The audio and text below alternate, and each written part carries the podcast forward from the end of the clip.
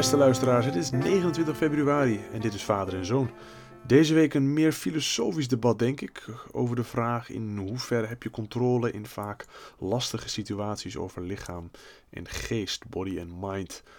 En dan met name dat laatste. We zijn het over veel dingen eens, Dick, en over dit onderwerp zijn we het namelijk niet helemaal eens, denk ik. Vind het wel leuk, dan je merkt dan dat je juist over die kleine dingen daar dan vaak ruzie over krijgt. Juist met mensen waar je heel dichtbij staat, waar je qua mening heel dichtbij staat. Daar krijg je over die kleine onderwerpen juist ruzie. En dat hebben we hier ook wel eens over, uh, over gehad. Uh, Dick, uh, we gaan het dus hebben over zelfsturing. van je eigen doen en laten. Kan dat of kan dat juist niet? En in hoeverre kan dat wel of niet? En nu ga ik meteen even het gras voor je voeten wegmaaien. Want jij gaat dan zo direct beginnen dat de term in hoeverre heel lastig te bepalen is. Het is namelijk niet uit te drukken in cijfers. En wat voor de een veel is, is voor de ander juist heel weinig. Ik weet dat jij die nuance graag wil aanbrengen, dus die breng ik nu direct heel eventjes aan. Zodat we daar niet eerst onze eerste vijf minuten aan kwijt zijn. Laten we naar de discussie gaan, dat vind ik uiteindelijk belangrijker. We, gaan, we staan in deze discussie, zoals gezegd, wat verder van elkaar af. En laten we proberen het praktisch te houden.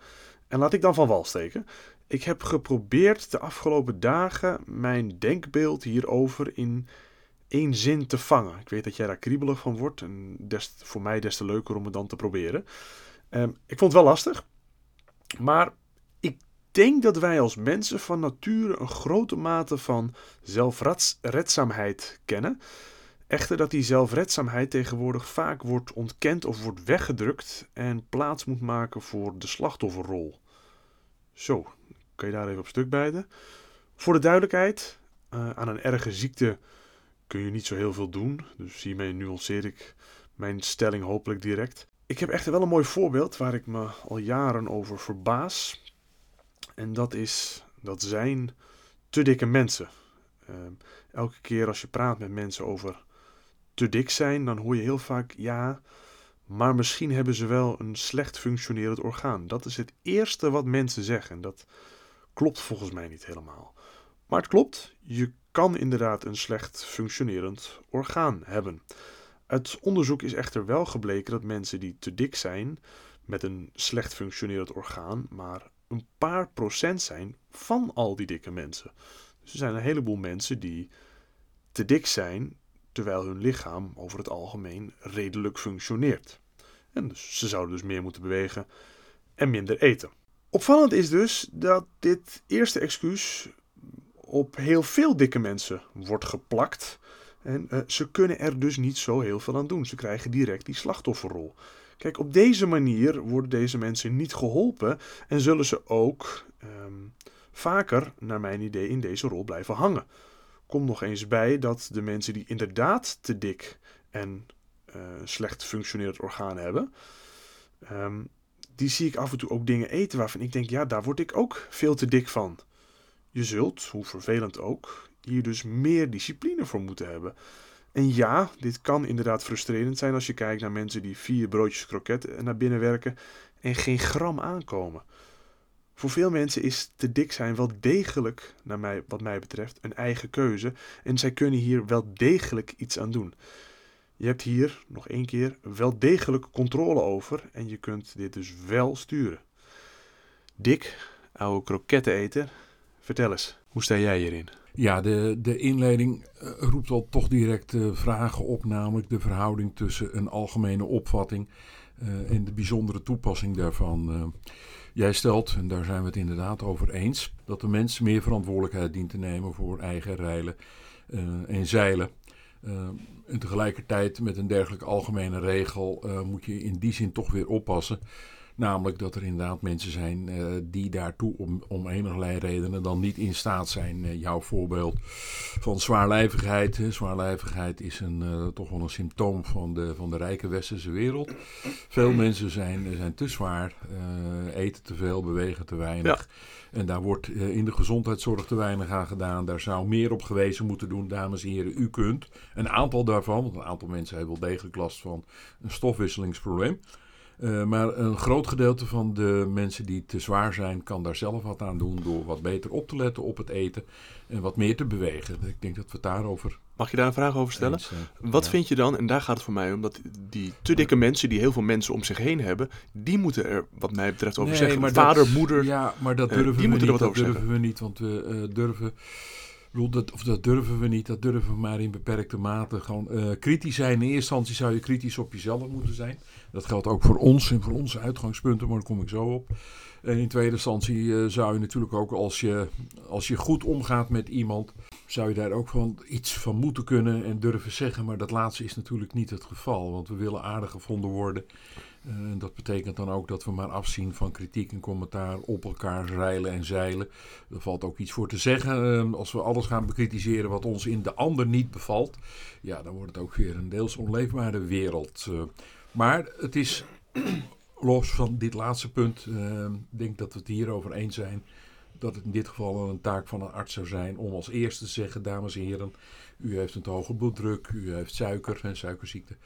Ehm, en aanverwante of aanpalende eh, problemen. Eh, wat dacht u er zelf van? Wat gaat u doen Ja. aan het? eh, het een beetje klassiek, een jaar of zes, zeven geleden op de buis. Ik zat dat met een aantal collega's te bekijken toen. Een prachtig voorbeeld van iemand die had een longziekte, wat dan ook, of een longafwijking. Die zat en met zo'n kapje op zijn mond en pilletjes. Eh, en dat was in het NOS-journaal, of één vandaag was dat. En wat zag je die persoon ook doen? Het was een dame, het kapje wegleggen en het pakje check draaien om Ja, een ja. checkie te draaien. Eh, en daarvan dacht ik toen ook, zou nou die journalist misschien iets kunnen zeggen van... God, u eh, bezit hier omdat u een longprobleem heeft. Is dat roken nou wel verstandig van u? Wat wij als Ja. toekijker wel zeiden van... Jee, mag kom op zeg, je gaat... Eh, maar dat deed die journalist niet. Eh, dat vond ik ook wel bijzonder opmerkelijk of op, eh, heel erg op, en bedenkelijk ook. Dat ik denk van dit is matige journalistiek. Want daar, daar zou je dan toch minimaal opheldering over kunnen Ja. vragen. Maar nogmaals, dit is, dit is zoals ze dat heet, accidenteel, incidenteel bewijs bij een algemene stelregel. En het is goed om jouw algemene stelregels, die van ons is toch dat wij ruwweg libertair ingesteld zijn. En dat betekent dat eh, de overheid en het collectief, de gemeenschap, wat betreft de verantwoordelijkheid voor het eh, reilen en zeilen van het individu op grotere afstand dient te staan. Waarbij natuurlijk de vraag is, wat bedoelen we dan met grotere afstand? En daar gaan we het voor de duidelijkheid nooit over eens worden. Omdat dat is inderdaad niet in, in een cijfermatig Nee. iets, dat is niet te kwantificeren. Eh, dus dat wordt altijd een, eh, een punt. Maar ruwweg dient het collectief, de gemeenschap, op een, eh, op een wat ruimere afstand te blijven van het individu.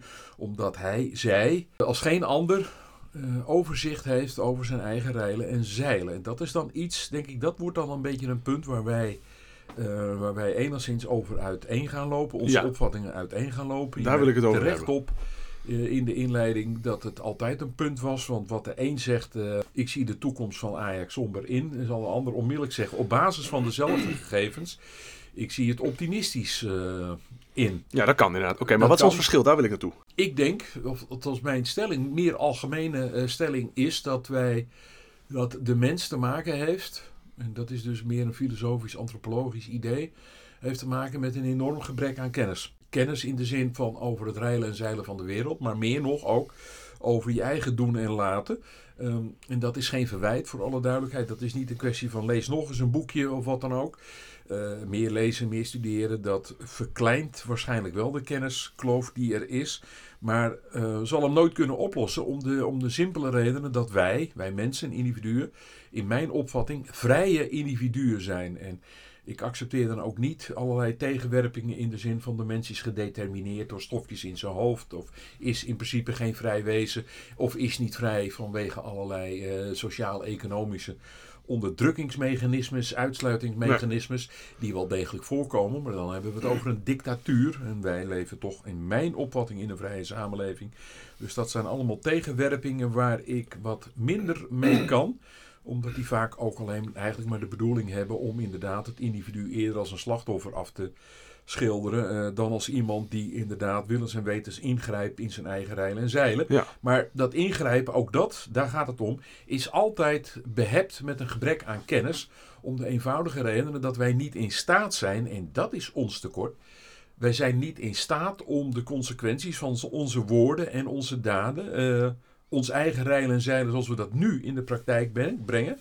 Wij zijn niet in staat om de consequenties daarvan te overzien. Dat is uitgesloten dat we die kunnen overzien. Dat heeft dus niks te maken met slim zijn, dom zijn, hoog IQ, laag IQ. Dat, dat, dat heeft hier niets mee te maken. Uh, ook een slimmo is niet in staat om de consequenties van zijn, zijn woorden, zijn daden te overzien. En iemand met een laag IQ kan dat ook niet. Er is wel enig verschil. Dat je mag verwachten dat een hoogopgeleid iemand dat hij, dat hij een iets, iets breder en langer perspectief uh, kent. Dat denk ik wel. Maar het principe blijft onverlet. Namelijk, wij zijn onwetend wat betreft de consequenties doen en laten van onze woorden en daden. Dat betekent onder andere, dat blijf ik wel een uh, redelijke vinden, dat je dus eigenlijk ook op voorhand niet kunt weten, als je met iemand in debat gaat, of je iemand kwetst of je woorden gebruikt die een ander als kwetsend. Nee, oké. Waarbij de uitersten wel weer duidelijk uh, zijn, maar daar hebben we het dan niet over. De uitersten, dus racist, fascist, uh, weet ik allemaal veel wat. Dat is allemaal verder wel duidelijk. maar er, zijn, er, er is een breed grijs terrein op waar, waar wij ons in bevinden.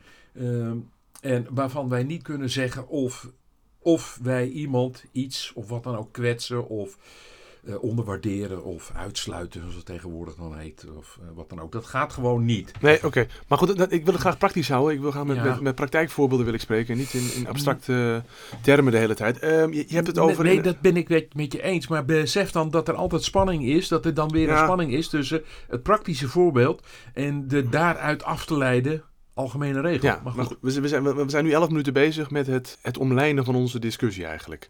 Um, nou, laten we dan een voorbeeld nemen. Maar dat zijn bijna alle discussies hoor. Laten we dan de discussie in dit geval nemen, het, het roken. Ik denk namelijk wel dat het ja. uh, vaker voorkomt in de sociaal lagere klasse. Dat denk ik inderdaad wel. Nou ja, en die mensen een, weten net zo er goed... Er is een relatie tussen, tussen de sociaal-economische positie um, en het daaruit, voort, of daaruit voortkomen. Het is geen causale relatie, maar het daarmee samenhangende gedrag. Dat is genoegzaam ja. onderzocht. Oké, ja. maar die mensen weten donders goed, net als wij, inderdaad dat roken, dat is ondertussen echt meer dan duidelijk. Die weten donders goed dat het inderdaad slecht is. Ja. Uh, en het argument, ja, maar ik ben eraan verslaafd, ik kan er niet zoveel meer aan doen. Ja, ik geloof daar niet zo heel erg in. Nou ik geloof wel dat je verslaafd eraan kunt zijn, maar ik geloof ook dat je er net zo hard voor kunt vechten, inderdaad, om, uh, om van die verslaving af te komen. En daar gaat het voor mij om, daar gaat de discussie. Dat, dat laatste, dat zijn we het over eens, dat roken slecht is, dat is in de jaren 30 kwam in een bepaald uh, duister land al voor het eerst de bioscoopreclame ja. of uh, Postbus 51 uh, spotjes van dames en heren roken is slecht. Dus dat is al, dat is al okay. heel oud. Ik weet trouwens niet beter dan dat roken slecht is. Ik heb nooit anders van mijn ouders gehoord of van kinds af aan niet roken slecht. Ja, oké. Okay. Ik weet niet beter. En dat weten we in de westerse samenleving allemaal. Maar wat er bijvoorbeeld nu in Amerika gebeurt, dat daar ver, verwoede rokers de tabaksindustrie uh, gaan aanklagen, wat dan ook, uh, dat vind ik een tikkie gênant. Ja, wat dat vind is nou het ontlopen van je eigen verantwoordelijkheid. Dat, dat, ja. is, dat is dus in dit geval die verantwoordelijkheid uh, die je zelf moet nemen. En waarvan je zelf moet zeggen, um, ik rook wat ik prima vind. Hè. Ik vind ook dat, dat er tabaksreclames mogen zijn. Dat vind ik verder prima. Dat ja, maakt dat niet vind ik eerlijk gezegd ook. Ik vind ook dat, dat maakt me niet veel uit. Zijn. Um, alleen als je moeten rookt... haar op kunnen steken voor de wijs. Ja, ik wil alleen niet horen inderdaad van ja, ik heb zo lang gerookt. Ik kom er niet meer van af. En uh, ik heb het zo moeilijk en ik heb het zo zwaar. Nee, nee, dat is allemaal prima. Want dat laatste zal zeker bij een aantal mensen die uh, aantal mensen dat stopt, zal dat het geval zijn. Dat ze problemen hebben om er vanaf te komen. Maar de vraag is dan... Uh, wiens verantwoordelijkheid is dat? Is, dat dan, uh, is het dan simpel om, de, om dan de consequenties, en met name de betalingen natuurlijk, dan neer te leggen bij de gemeenschap? Ja, daar heb ik dan weer grotere moeite mee. Maar ik wil niet op voorhand zeggen van dat gaan we dus ni niet of nooit doen. Dat denk ik nou ook weer niet. Ik denk ook dat iedereen zit anders in elkaar, reageert anders op allerlei uh, zaken. En ik zou niet op voorhand uit willen sluiten dat inderdaad mensen hulp nodig hebben om van de verslaving af te komen. Dat, dat vind ik ook zo'n punt niet. Maar voorop staat uh, de individuele wil. Ja. De individuele ja, wil. Want die dient voorop te staan. En hier dient niet zo snel weer, uh, weer gegrepen te worden in de collectieve subsidiepot of wat dan ook. Nee, in eerste instantie, uh, in eerste instantie zou, je de, zou je de andere kant op moeten redeneren. U rookt, daar ben ik dan toch wel voorstander van. ik ben voor vrijheid van roken en ook reclame. En tegelijkertijd aan de andere kant vind ik dat een verzekeringsmaatschappij dan het recht heeft om te zeggen. Dat had dan toch ergens anders op betrekking. maar uh, behoorlijke oneenigheid dat hadden we wel. En ik vind ook dat dat moet kunnen. Uh, tegelijkertijd uh, moet het ook kunnen omdat ik vind dat je ervoor moet, moet waken dat je wegzakt in je eigen ideologie, in je eigen fundamentalisme, waar we waar ook iedereen in meer of mindere mate wel mee te maken heeft. En zich deswege ook dient af te vragen van, is het denkbaar dat ik, dat ik tegen mijn eigen ideeën inga? Dat lijkt me een belangrijke vraag. En hoe, hoewel ik ruwweg voor een meer libertaire samenleving ben, en dat is in Nederland, als je het op het niveau van politieke partijen gaat bekijken, uh, is er dan op dit moment eigenlijk geen partij waar ik terecht kan. Want ik vind ze allemaal te socialistisch, zoals de partij waarop ik zou willen stemmen. Uh, is wat mij betreft heeft last van toch een collectieve afwijking. En ook daarvan vraag ik me af of dat uh, inderdaad goed gaat. Dus uh, het is een afzetten tegen, tegen wat ik dan toch noem de socialisten in alle partijen. In alle partijen, niet alleen in die van de SPP van de AOP. Ja, oké. Okay. Blijf het onderwerp. partijen, wat dan ook. Maar ik bedenk me voor mezelf dat er, dat er omstandigheden zijn, uh, denkbaar zijn, op basis waarvan ik bereid ben om mijn libertaire gedachtegoed wat geweld aan te doen. Ja, oké, maar goed, het gaat niet zoveel over, over het zelfstuurzaamheid. Goed, ik wil hem dan uh, afsluiten uh, met te zeggen dat ik denk dat de mens inderdaad veel controle over zijn eigen leven heeft, over zijn eigen doen en laten. En dat is ook zeer positief wat mij betreft. Dit zorgt er voor mij ook voor dat ik redelijk positief in het leven sta. Niet alles overkomt mij, zoals een heleboel mensen dat wel uh, dat hebben. Ik heb, ik heb invloed op mijn leven en dat vind ik denk erg belangrijk. Daar gaat het voor mij om. Um, ik denk dat je ook meer bereikt hierdoor. Doordat je dus zegt, ik heb invloed op mijn eigen leven. Ja, en ik kan de zaken ja. zelf veranderen als dat nodig is. En daarmee ook niet in een slachtofferrol gaan zitten als het een keer tegen zit. En iedereen, dus ook bij mij, zit het af en toe wel eens tegen. Ja, Dick uit de toekomst hier. Grote Dick had nog lang niet alles gezegd wat hij had willen zeggen. En de discussie ging na de uitzending nog wel even een tijdje door. Hier komen wij dus nog zeker op terug. Deel 2, denk ik. Dick, Cultuurrondje, heb je nog iets gelezen of gezien? Ja, deze week. Ik heb het boek nog niet uit, maar ik wil het toch alvast uh, vermelden. Omdat ik ook wat andere boeken zou willen vermelden, over Isra Meijer en dergelijke. Maar het wordt wat te veel allemaal. Uh, boek van Arielle Veerman, uh, de ex-vriendin, ex-vrouw van Joost Wageman. Schrijver die in september 2015 een eind aan zijn leven heeft gemaakt. Ja. Om welke reden dan ook. Uh, dit boek, autobiografische roman, handelt over haar, laatste, over haar leven met Joost Wageman is toch weer geëindigd. Dit samen zijn in een vechtscheiding vind ik altijd toch weer minder om te lezen. Toch ook wel een gebrek, uh, ook wel een gebrek van het individu. Sluit wel een beetje aan bij ons hoofddoel, uh, het hoofddoel van de hoofdthema van de podcast. Uh, het menselijk tekort. Nou, dat komt hier toch wel weer op allerlei manieren naar voren toe. Mensen ratelen maar door, hebben oneenigheid met elkaar en zijn vaak niet meer bereid om uit hun eigen bubbel te treden.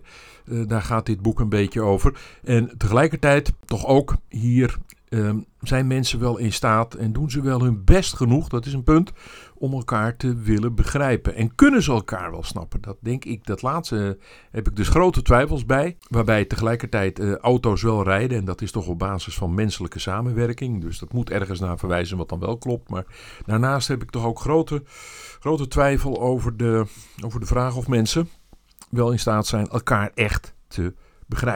Ik denk het niet, eerlijk gezegd. En dat blijkt wat mij betreft ook weer uit dit boek.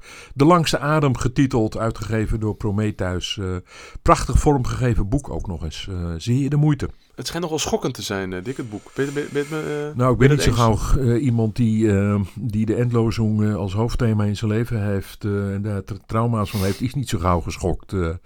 nee, ik ben niet geschokt door dit boek. nee, in het geheel niet zelfs. Ik vind het buiten... Ik vind het... ja, ik vermaak me er prima mee. Ik vind het buitengewoon interessant. En ik kan het ook iedereen aanraden, maar schokkend. Ja, Zwageman komt in een iets ander beeld te staan. Maar of dit nou afbreuk doet aan het totale beeld, uh, maakt ook niet zoveel uit. Want het, uh, ja, ik bedoel, Joost heeft een paar aantal geweldige boeken geschreven. En ik vond hem daarnaast, uh, vond ik hem geweldig bij De Wereld Draait Door. Als hij over kunst vertelde. Bevlogen. Ik dacht, Rotko en dergelijke van dit gaat helemaal nergens over. Maar des te knapper was het dat hij dus over, naar mijn idee, vrij weinig een geweldig verhaal uh, wist te houden. En ik dacht ook van dit is echt een bevlogen docent. Dit is een echte docent. Dit is een voorbeeld voor een docent ook. Uh, ik luisterde vanwege de persoon van Zwageman, niet, niet vanwege datgene wat hij te vertellen had. Want dat vond ik echt helemaal niks. Maar uh, ik vond het een heel interessante man. En verandert dat beeld als je dan weet dat hij ook wat, wat knorrig en wat vervelend was in een vechtscheiding eh, en toch al wat last had, ja, minderwaardigheidscomplex. Versus het idee zichzelf juist wel op de voorgrond te willen plaatsen. En al de spanningen die daartussen optreden. eh, is, hangt, die minderwaardigheids, hangt dat minderwaardigheidscomplex juist niet samen met het idee dat je zo op de voorgrond je zo ook wilt exponeren? Hangt dat niet met elkaar samen? Denk het ook wel weer. Maar het blijkt wel weer eens, het blijkt maar weer eens dat personen buitengewoon gecompliceerde wezens zijn die wij eigenlijk niet kennen en misschien ook niet kunnen kennen. Maar eh, het antwoord hier op dat niet kunnen kennen is van dan moeten we dus maar langer en meer met elkaar praten en van gedachten wisselen om een poging te doen elkaar wel Te begrijpen. eh, te willen begrijpen. Ik heb een eh, driedelige documentaire gezien van Thijs van der Brink, God's President, over, ehm, over Donald Trump. Eigenlijk een hele simpele vraag. Hij gaat naar het zuiden van Amerika toe en dan stelt hij de vraag aan een heleboel gewone mensen. Waarom stem je op Trump of waarom heb je op Trump gestemd in 2016? En dat eigenlijk enigszins om een beetje die gekkie sfeer die er rond die Amerikanen hangt. Hè. Iedereen die op Trump stemt is een gekkie om die een beetje weg te nemen. Hij probeert ze enigszins te begrijpen. En dat doet hij naar mijn idee best aardig. Driedelige documentaire serie. Om eens te begrijpen waarom mensen nou eigenlijk op Trump stemmen. Ik zou zeggen, daar moet u ook eventjes eh, naar kijken de komende week. Want hij staat toch op NPO Start. En hij zal binnenkort verdwijnen achter een betaal. Nee, uitzending gemist kun je nog, eh, want het is NPO toch? Ja. Uitzending gemist is een eh, prima alternatief. Ja, maar ik heb het niet gezien. Je hebt wel de link gestuurd, maar ik heb het niet gezien nog. Maar daar, eh, daar gaat het op een gegeven moment een paar weken. Dan moet je ervoor betalen tegenwoordig. Dan komt het achter ook een, een decoder. Dat gezegd hebben, dan ronden wij hem hierbij af. Maar niet, Maar voordat dat- wij gekeken hebben naar... Eh, 28 maart, 's ochtends half elf, eh, Amsterdam Vrije Universiteit. In het kader van eh, de HOVO-lezingen, een eh, dag lang, half elf, half vier. Lezing van deze persoon over Adolf Hitler. En dan meer gericht in het bijzonder de zijn relatie tot de Verenigde Staten. Schrijft u allen in. Het is voor een ieder toegankelijk. Wij zullen de link in de beschrijving plaatsen. Volgende week zijn wij er een weekje niet. Dan heb ik heel veel toetsen om na te kijken. En dan zitten wij midden in het coronavirus, verwachten wij. Dus dan daar is z- er niets over gezegd eigenlijk niet. Nee. Coronavirus. Wast uw handen. Ja, was uw handen. Laten we daar dan mee eindigen. Eh Dick, ik dank je wel weer. En mijn naam is Dick. Mijn naam is Dick. En dit was Vader en Zoon.